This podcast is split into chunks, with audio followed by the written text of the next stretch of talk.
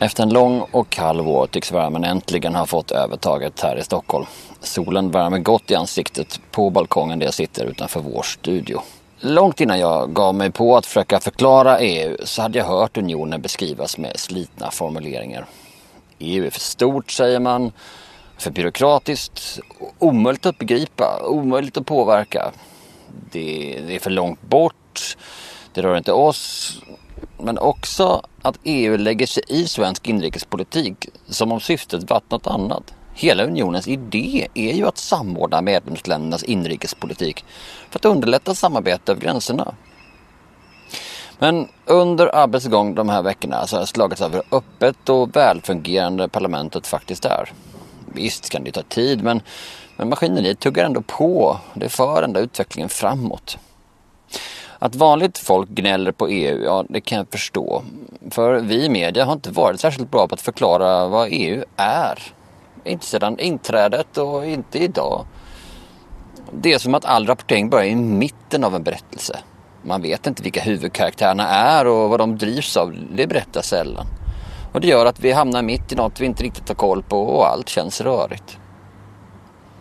Det här är en berättelse som förstås gynnar de som vill ha någon att skylla på. Det är EU som bestämt det, säger man. Och låtsas som att man inte fattar att Sverige är en del av EU. Och därför jag gärna lika sagt att ja, det är vi som har bestämt det. Men kanske det blir lite som politiker runt om i Sverige som ibland skyller på Stockholm si och så. Som om det vore en fiende.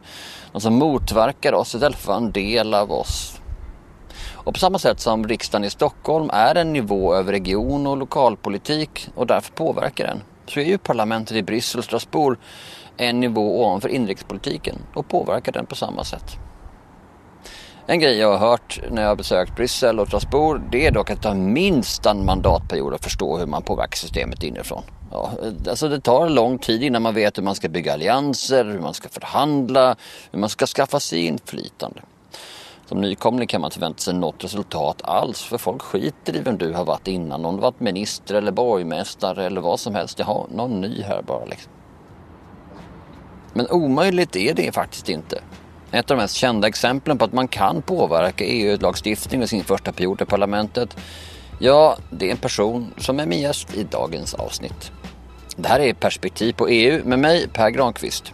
Och det här ja, det är sista delen av den serie med bonusavsnitt som är ett samarbete mellan vadvivet.se och Väljarskolan, Sveriges största politiska konto på Instagram.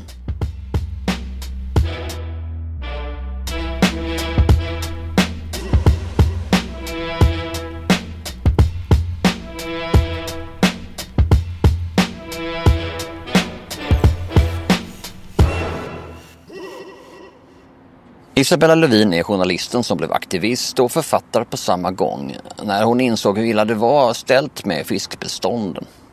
Och när hon sen förstod att de viktiga besluten i den här frågan fattas i EU, ja då bestämde hon sig för att kandidera till parlamentet och resten är faktiskt historia. Idag är hon Sveriges miljö och klimatminister och vice statsminister. Men det var för att prata om hur hon förändrar politiken i rollen som Europaparlamentariker som jag bjöd in henne till vår studio för att dela med sig av sina perspektiv. Men om vi kör då. Mm. Hur blev du så intresserad av fisk från början? Ja, jag, jag blev, det, det började med att jag blev väldigt förvånad. Jag tror det var många svenskar som blev förvånade när eh, man i regeringsförhandlingarna 2002 plötsligt annonserade att man ska stoppa torskfisket. Och eh, att eh, då forskare höll med och sa att ja, det borde man göra. Och För att vi hade trott att det fanns oändliga mängder torsk? Ja, och det var ju och är fortfarande Sveriges kanske vanligaste matfisk. Nu kanske laxen har gått om, men torsk är ju verkligen en stapelvara. Eh, och eh, då var jag ju journalist och eh, ja, så jag bestämde mig för att jag skulle ta reda på lite grann hur det ligger till egentligen med torsken och är det verkligen så illa? Och man är ju van som journalist att man alltid kan hitta två sidor av saken och mm. två ingångar i det hela. Det var då du var på Altomat? Eller? Precis. Och eh, torskrecepten var ju ganska vanliga i tidningen då. Och jag blev faktiskt helt chockad för när jag började ringa runt till olika forskare på Fiskeriverket och de som hade eh, då full överblick över situationen så, så sa de alla med mycket djup sorg i rösten att torsken är på väg att kollapsa. Det här är ett mycket, mycket allvarligt läge och man borde ha stoppat för länge sedan. Och det var min, det var som ett mysterium för mig. Alltså att vi kunde ha en allmän resurs som också övervakades och förvaltades av våra myndigheter. Det var forskare som verkligen följer detta och samtidigt inte har förmåga att skydda den och se till så att vi eh, inte överutnyttjar den. Och, eh, så det var att det fattades liksom spärrar? Var det som var problemet? Ja, att fiske har ju då sedan lång tid behandlats som en näringsgren, ungefär som jordbruket och inte sett som en del av havet och ekosystemet som en naturlig... Som ett skafferi, man hämtar det man behöver? Ja, och, och man har bedrivit en politik alldeles för länge där man har satsat jätte jättemycket subventioner på att bygga nya fartyg, subventioner för att skrota gamla fartyg och få mer och mer kapacitet. Som om ju mer du satsar på det, desto fler fiskar skulle du få i haven. När det i själva verket är precis tvärtom om du har överkapacitet så fiskar du ut haven. Och det, det, det, det, går inte att ha parallellen med jordbruket där du kanske kan pressa ut eh, mer skördar genom att ha konstbevattning, konstgödsel, större skördetröskor, mer insatsmedel. Men med Just fisk... effektiviteten i jordbruket ger mer skördar, effektiviteten i fiskebruket ger mindre skördar. Ja. Och då kom du med boken Tyst hav. Eh, där du granskade det här överutnyttjandet av fiskebestånden eh, i svenska och utländska vatten och den blev ju en supersuccé. Mm. Trodde du det? För det känns som att det skulle kunna vara ett smalt ämne. Eller var det som torskrecepten du hängde upp det på? Nej, absolut inte. Den är ju skriven nästan som en eh, en thriller. Alltså det, det, var, det var ju det här mysteriet. Hur mm. har det här gått till? Mm. Och eh, att, jag tänkte mest på att du fick så mycket genomslag. Var det att som folk var oroliga för sin torsktallrik? Det visade sig ju att det, det, här var ett problem som otroligt många hade på känn och som väldigt många också har upplevt själva. Alla de som har eh, sommarstugor eller bor vid havet och varit vana att bara kunna lägga nät på sommaren och vara helt självförsörjande på torsk. De har ju då upptäckt det de senaste ja, 10-15 åren, hur näten är tomma.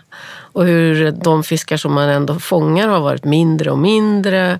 Ehm, och inte bara torsken, utan massor med andra arter. Mm. Så att det var ju ett, ett otroligt engagemang från så många olika håll när min bok kom ut. Det var dels sportfiskare, för de har ju verkligen koll på det här. Sen eh, alla matmänniskor som, som ju också är jätteupprörda över vad vi gör med vår fisk och våra hav. Alla kockar kockar och så vidare. Och sen alla naturmänniskor. Och sen visade det sig att den här frågan den växte ju därför att när vi har fiskat ut våra egna hav här i Sverige eller i Norden, Skandinavien. Det är inte så att vi äter mindre fisk utan då importerar vi mer fisk. Eh, och den fisken kommer någonstans ifrån. Och EU är ju då en stor aktör på världshaven där vi genom skattepengar subventionerar främst spanska och även franska och andra fartygsägare som köper fiskerättigheter med stöd av EU eh, i fattiga länders vatten. Så att dimensionerna bara växte och växte. Så att det, det handlar ju också då om den här rättvisa aspekten. Alltså vad, vad, vilka rättigheter har vi att först med skattemedel subventionera alldeles för många båtar att fiska ut våra egna hav och sen med ytterligare nya skattemedel sen skicka iväg båtar till fattiga människors länder och hav och tömma dem. För det är fortfarande en väldigt läsvärd bok och jag tänker på liksom Tyst hav för den lyssnare som inte hängt med sig. Det aspirerade ju på eh, Tyst vår, en bok som kom av amerikanska biologen Rachel Carlson 62, för mig, som satte igång den moderna miljörörelsen. Mm. Hon menar ju då att effekten av snabbt ökad kemikalieanvändning i samhället var okänt eller känt men ignorerat. Och det här beror i sin tur då på att kriget efter det vill man skapa ett samhälle med fördelningspolitik som skulle jämna ut skillnader mellan människor för att minska ojämlikhet i olika folkgrupper. Och för att skapa välstånd så måste man göra saker mer praktiskt och rationellt. Det älskar alla göra praktiskt, särskilt i Sverige. Och så skulle kvinnan ut i arbetslivet och hjälpa till och behövs det mer praktiskt rationella lösningar. Färdig mat på burk, djupfryst, pulvermat. Kanske inte gott alla gånger men alltid rationellt. Um, och så ska man hitta rationella sätt att städa så inte hemmen blir lortiga och då bör man använda en massa nya kemikalier. Och just det här att de var nya var ju lite grejen, tänker jag, eftersom ju äh, gammalt för den här tiden är en synonym med att det är dåligt. Och då där som vi pratar om ska man odla på rationella sätt och jordbruket ska bli bättre och då behöver man också större maskiner och nya och effektiva bekämpningsmedel. Det som bekämpas är då alltså ogräs eftersom det minskar avkastningen. Och så hittar man på massor med nya gifter som dödar ditt och datt. Man vill bekämpa liksom annat som typ mygg och insekter och myror och sånt som invaderar hemmet eller bara stör oss. Vi har ju fått nya semesterveckor nu, det är 60-talet här. Och så har man då hittat på DDT lite tidigare när sprayar det överallt. Liksom. Och det väl ungefär också det här sammanhanget som köttproduktionen blir storskalig och djurbesättningar ökar från att varje bonde hade kanske 15, 10 någonting kor till flera hundra. Samma med grisar. Och då samma med fisket. För det är typ 60-tal som stora flottorna kommer, eller är det 70-tal till och med? Ja, det kom ju efter andra världskriget och där man satsar väldigt mycket på att bygga nya stora fartyg och trålningen blir ju den här stora... Typ flytande fiskpinnefabriker? Va? Ja, så är det. I Sverige så var ju den stora explosionen snarare på, på 80-talet och sen med EU-inträdet också. Och det, det har massa olika skäl till det. Men när vi kom med i EU så fick vi plötsligt massor med subventioner för också att skrota gamla båtar och bygga nya båtar. Så då hände någonting. Jaha, så vi fick, då importerade du lite av en södra Europa fiskepolitik på något sätt? Ja, det, och det var ganska olyckligt eh, sammanträffande också för strax innan så förhandlades på den globala nivån fram havsrättskonventionen som gav alla länder en bestämd ekonomisk zon. Det här är ju en lång historia det här också men eh, det innebär då att alla länder har 12 sjömil territorialvatten och sen 200 eh, mil ekonomisk zon. Hur som helst så innebar det för de svenska fiskarna på västkusten att de blev lite instängda eh, i... Eh, ja, var, var, var, det kort, var, var man tvungen att fiska närmare kusten innan eller?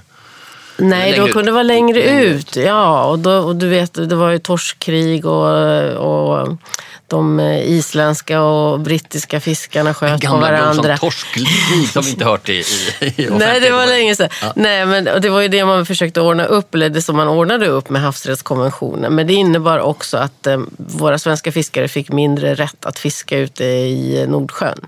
Och därför så styrde de kosan till Östersjön med nya eh, friska pengar och eh, nya pengar kommer också från eh, EU. Så alla har helt enkelt haft det här på känn. Man har sett att man mm. får inte lika mycket torsk eller man försöker fiska lite mindre. Någonting funkar inte. Din bok kommer, den blev en succé, priserna haglar, du får Stora journalistpriset, Guldspaden, typ tio andra utmärkelser som jag har räknat men just nu hoppar över. Mm. Och så var du ju ungefär överallt ett tag. Jag gjorde en sommarprat och sådär liksom. Och sen tänkte du att du skulle då kandidera till Europaparlamentet 2009. Vad fick, för det första, vad fick dig att välja parlamentet direkt istället för att gå via riksdagen? Och, du kom ju in på en mm räkmacka, ursäkta havsskämtet.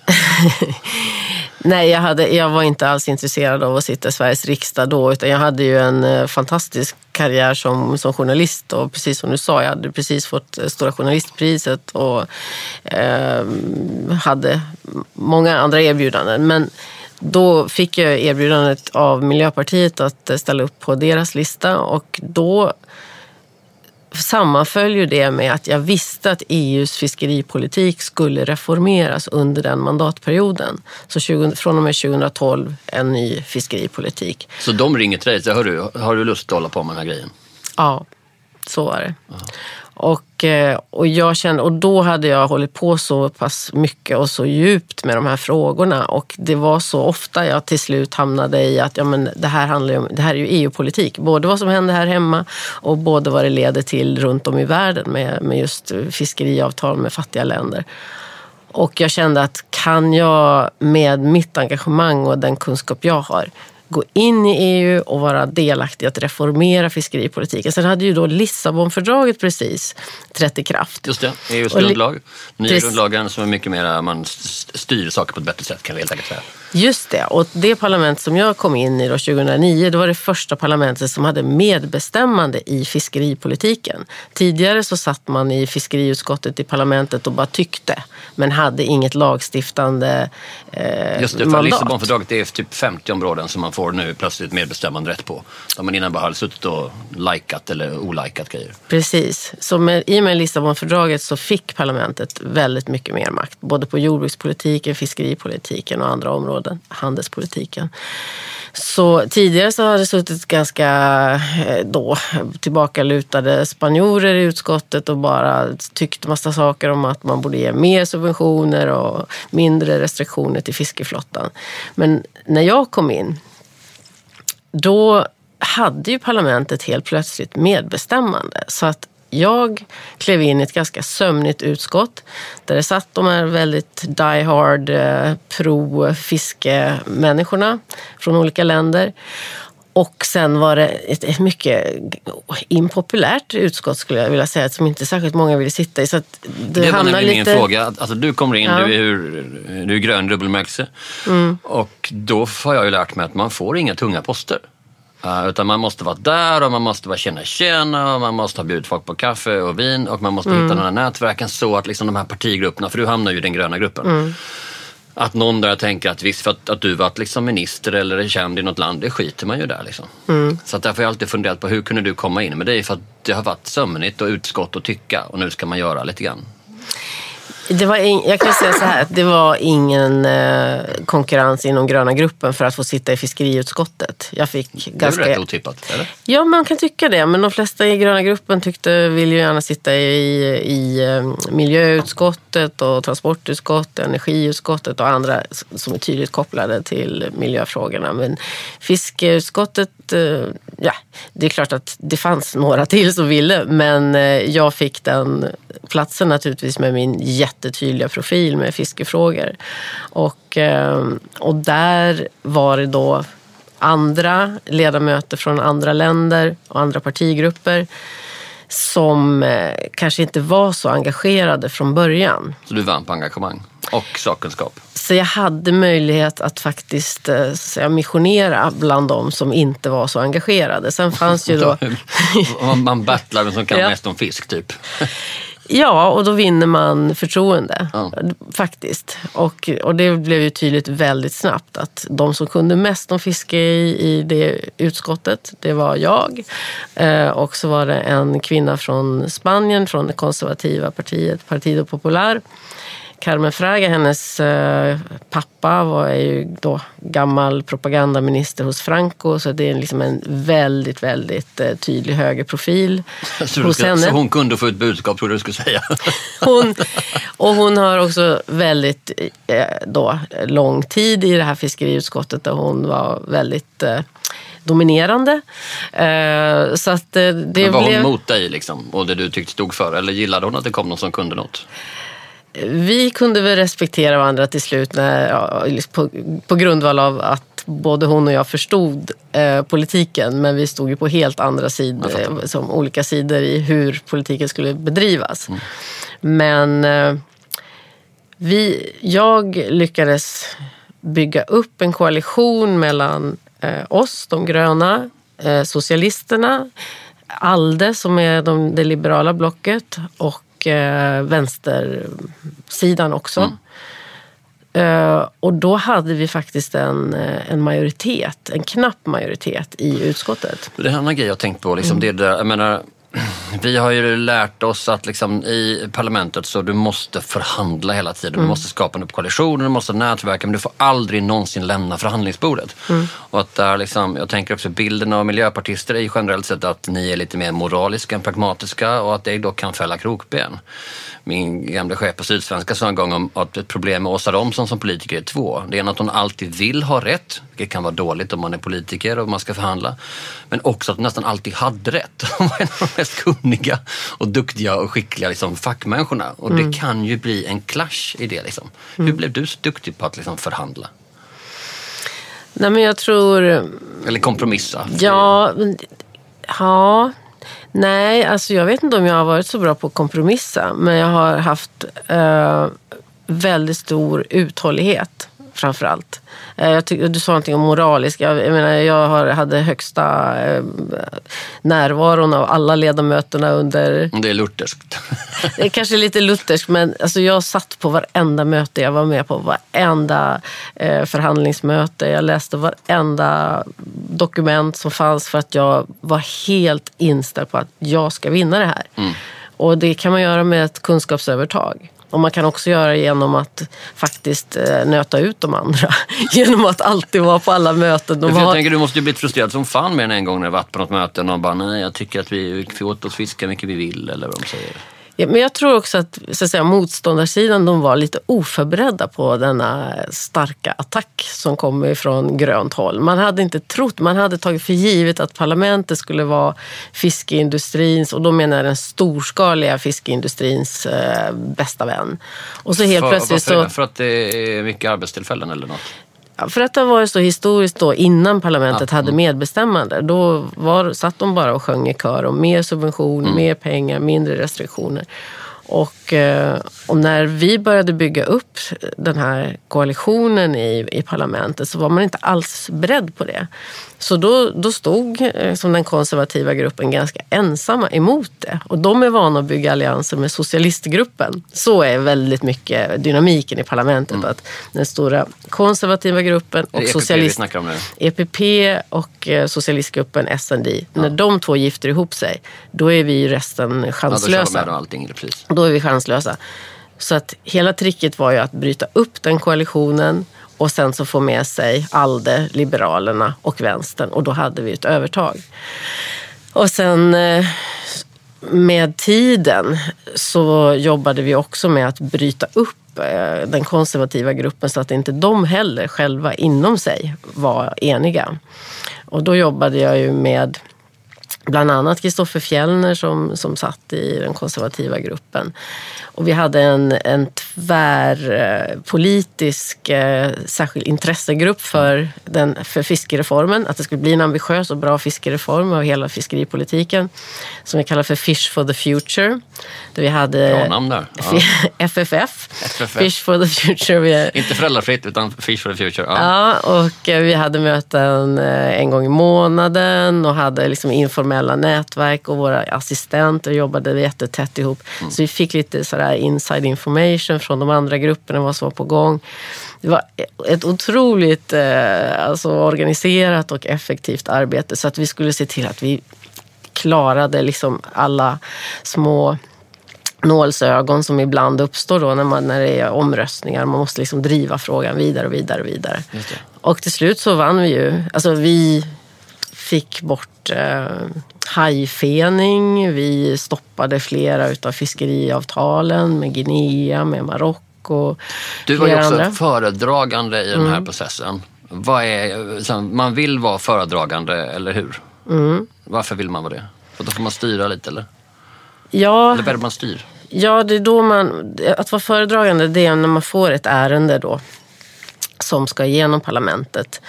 Och då... Eh, typ ny fiskeripolitik, tack. Tyck, ja, och jag ansvarade, den delades ju upp i lite olika eh, delar, men jag ansvarade för den så kallade externa delen, den som handlar just om fiskeriavtal med, med tredje världen och, mm. och tredje land.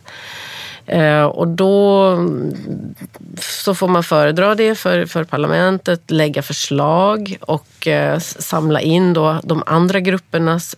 De andra grupperna har då var och en en skuggrapportör. Så, att, ja. så det finns en person i varje grupp som följer samma ärende och då har man skuggmöten och träffar dem. Och det låter ju superskumt. Eller hur? Och sen så utifrån vilka förslag de lägger så försöker man få ihop det och kanske lägger kompromissförslag i slutändan. Du kan inte också passa lobbyister i korridorerna utanför ditt och står och hänger och och skuggar runt. Ja, men vill inte jag bjuda dig på tonfisk? Men, men liksom, alltså, det måste vara massa sådana också, eller? Mm. Jo, men det är det.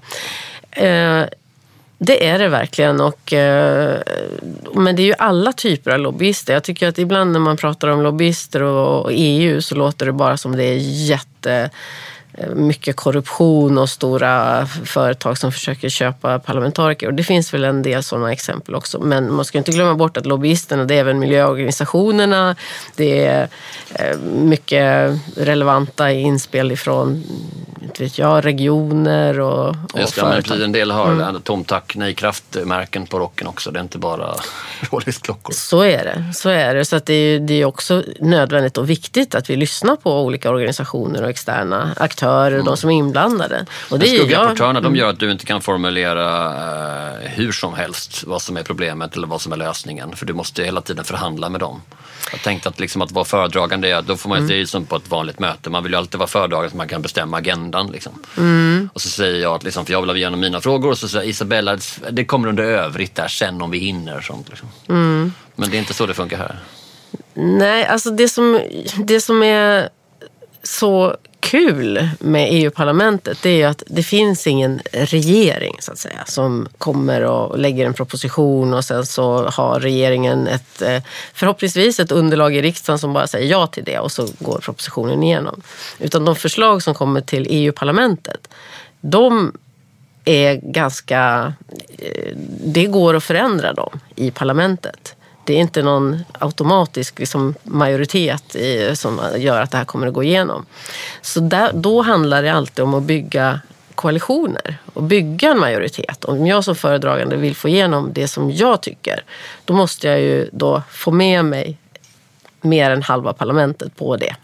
Och då, då jobbar jag ju då, som jag beskrev, med eh, SND och ALDE och också med vänstergruppen.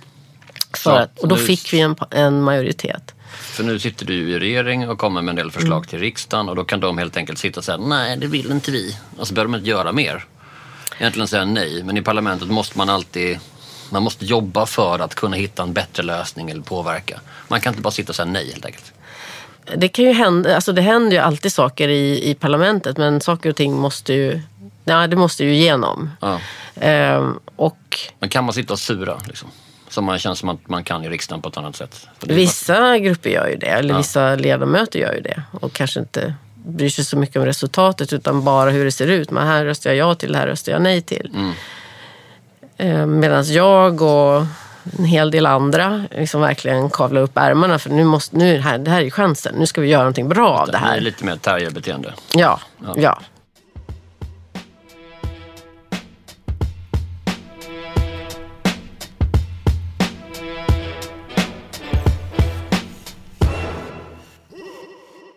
Men då är sen plötsligt så går det, eller plötsligt, men så går ju det här igenom då. Eh, då är det liksom i som december 2012 så kommer första och sen så i februari 2013, ja då röstar man igenom. Då får du en bred, bred marginal. Liksom. Mm. Och då erkänner man för första gången att man behöver ha liksom ett maxuttag och att flottan var överdimensionerad och liksom, det var ju rätt mycket grejer som du redan sa i boken på något sätt. Liksom. Mm. Hur firar du det? Oh Ja, nej, det var helt fantastiskt. Det var det faktiskt. Nej, vi hade, vi hade någon typ av spontan fest i parlamentet i, ja. i Strasbourg. Eh, nej, det var ren Men lycka. Visste du innan när du tog liksom, tåget till Strasbourg att det här kommer nog gå igenom? Eller är man ändå jättenervös till sista Nej, vi visste att det skulle gå igenom. Ja. Men att det skulle vara så bred marginal. För ja. det var ju som jag sa, vi lyckades ju också splittra upp EPP-gruppen. Eh, e så att mm. vi fick ju med oss stora delar av EPP-gruppen också. Minns inte röstsiffrorna nu, men det var en överväldigande, liksom, klar ja, majoritet. Igenom, ja, det gick igenom med två tredjedelars majoritet ungefär. Och eh, att känna då att ja, men det här har jag jobbat för, inte bara i, i fem år utan ja, ända sedan jag kom på det där med torsken. Mm. Att måste man göra någonting åt det. Nej, det, det var stort. Den första lagen trädde i kraft 2014 och sen så, det var då du slutade också i parlamentet. Ja, sen var det ju... Varför fortsatte du inte? Ja, jag kunde ju ha gjort det. Uh... Det hade till och med varit det naturliga. Mm. Det var egentligen till och med konstigt att du inte fortsatte än att du... Ja.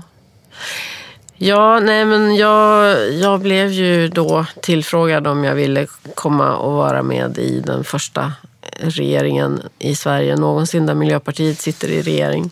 Och jag kände att eh, om jag blir kallad så kan jag inte säga nej. till Ja, det. just det.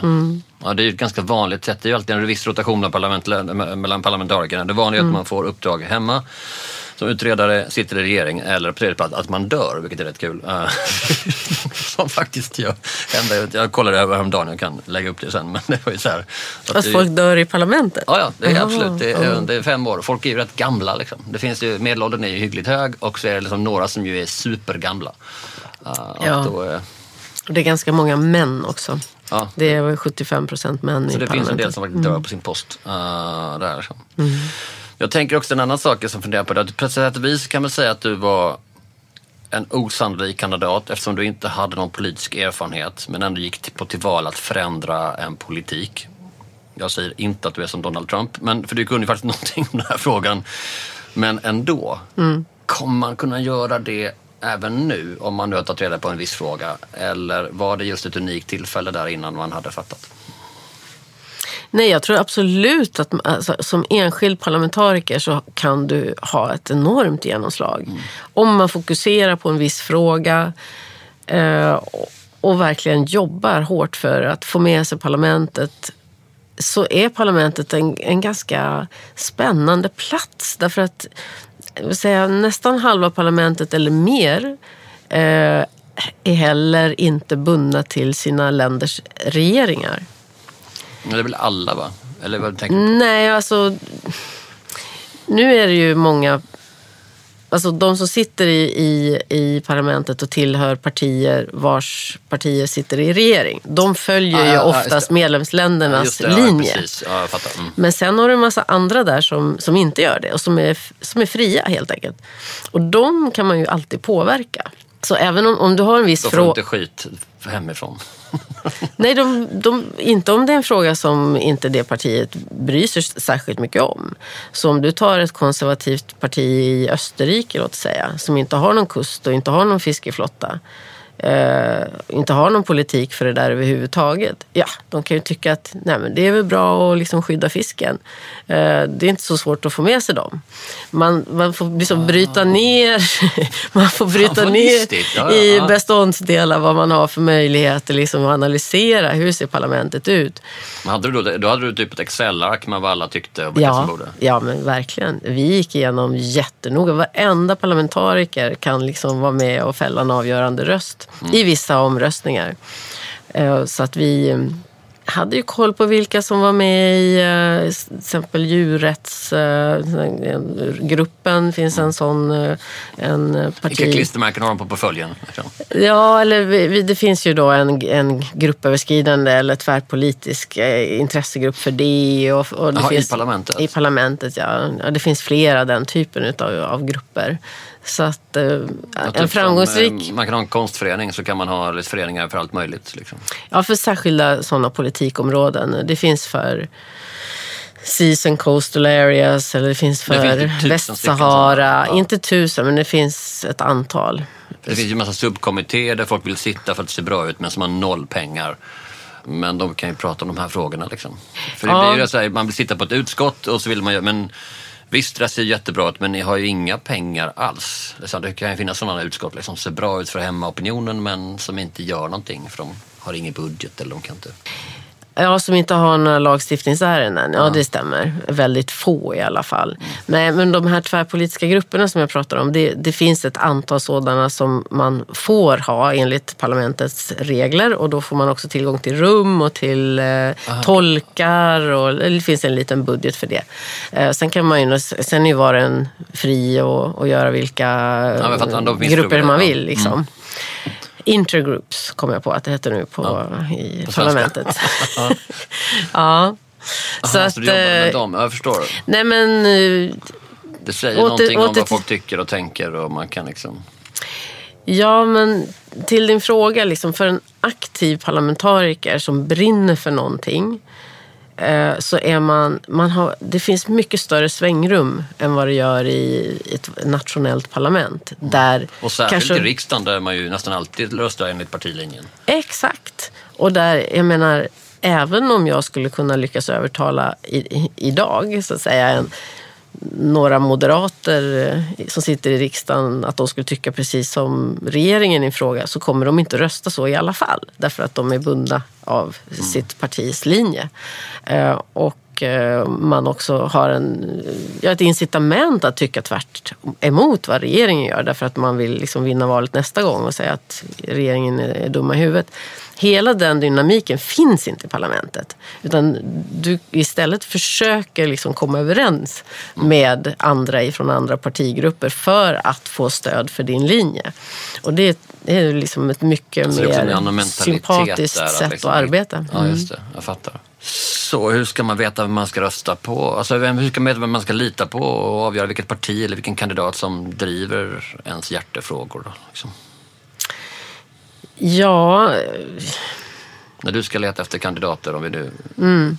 Jag fattar att du kanske är en aning på. Nu är jag väldigt subjektiv. Ja. Eller vad säger jag? Väldigt... okay, dum fråga. Men, okay, vi, vi, låts, vi låtsas som att du inte kan någonting om Fisk eller Miljöpartiet. Hur kan ja. du liksom gå tillväga med din erfarenhet? Liksom, vad, det finns, jag jag mm. retar mig skitmycket på dem som säger om jag vill åka till EU och lära eller jag vill påverka EUs hela liksom, så här, grejer som mm. inte har med saken att göra eller att det mm. liksom vittnar om en slags tycker jag då, brist på respekt för att du måste kunna något innan du kommer dit. Mm. Um, och, då tycker jag att det kan ibland vara svårt att veta vilka som är på riktigt och vilka som har en plan. Och... Mm. Alltså en sak som i... Idag är ju nätverkandet viktigare från början än vad det var när du hamnade där. Ja, och, och det, det var väldigt viktigt då också. Men, men jag skulle säga att det, det viktigaste att hålla utkik efter det är ju att det kandidaten pratar om är någonting som EU-parlamentet verkligen beslutar om. Och, Just det. nej men det är väldigt mycket allmänt prat om eh, ekonomi, om utrikespolitik och så vidare.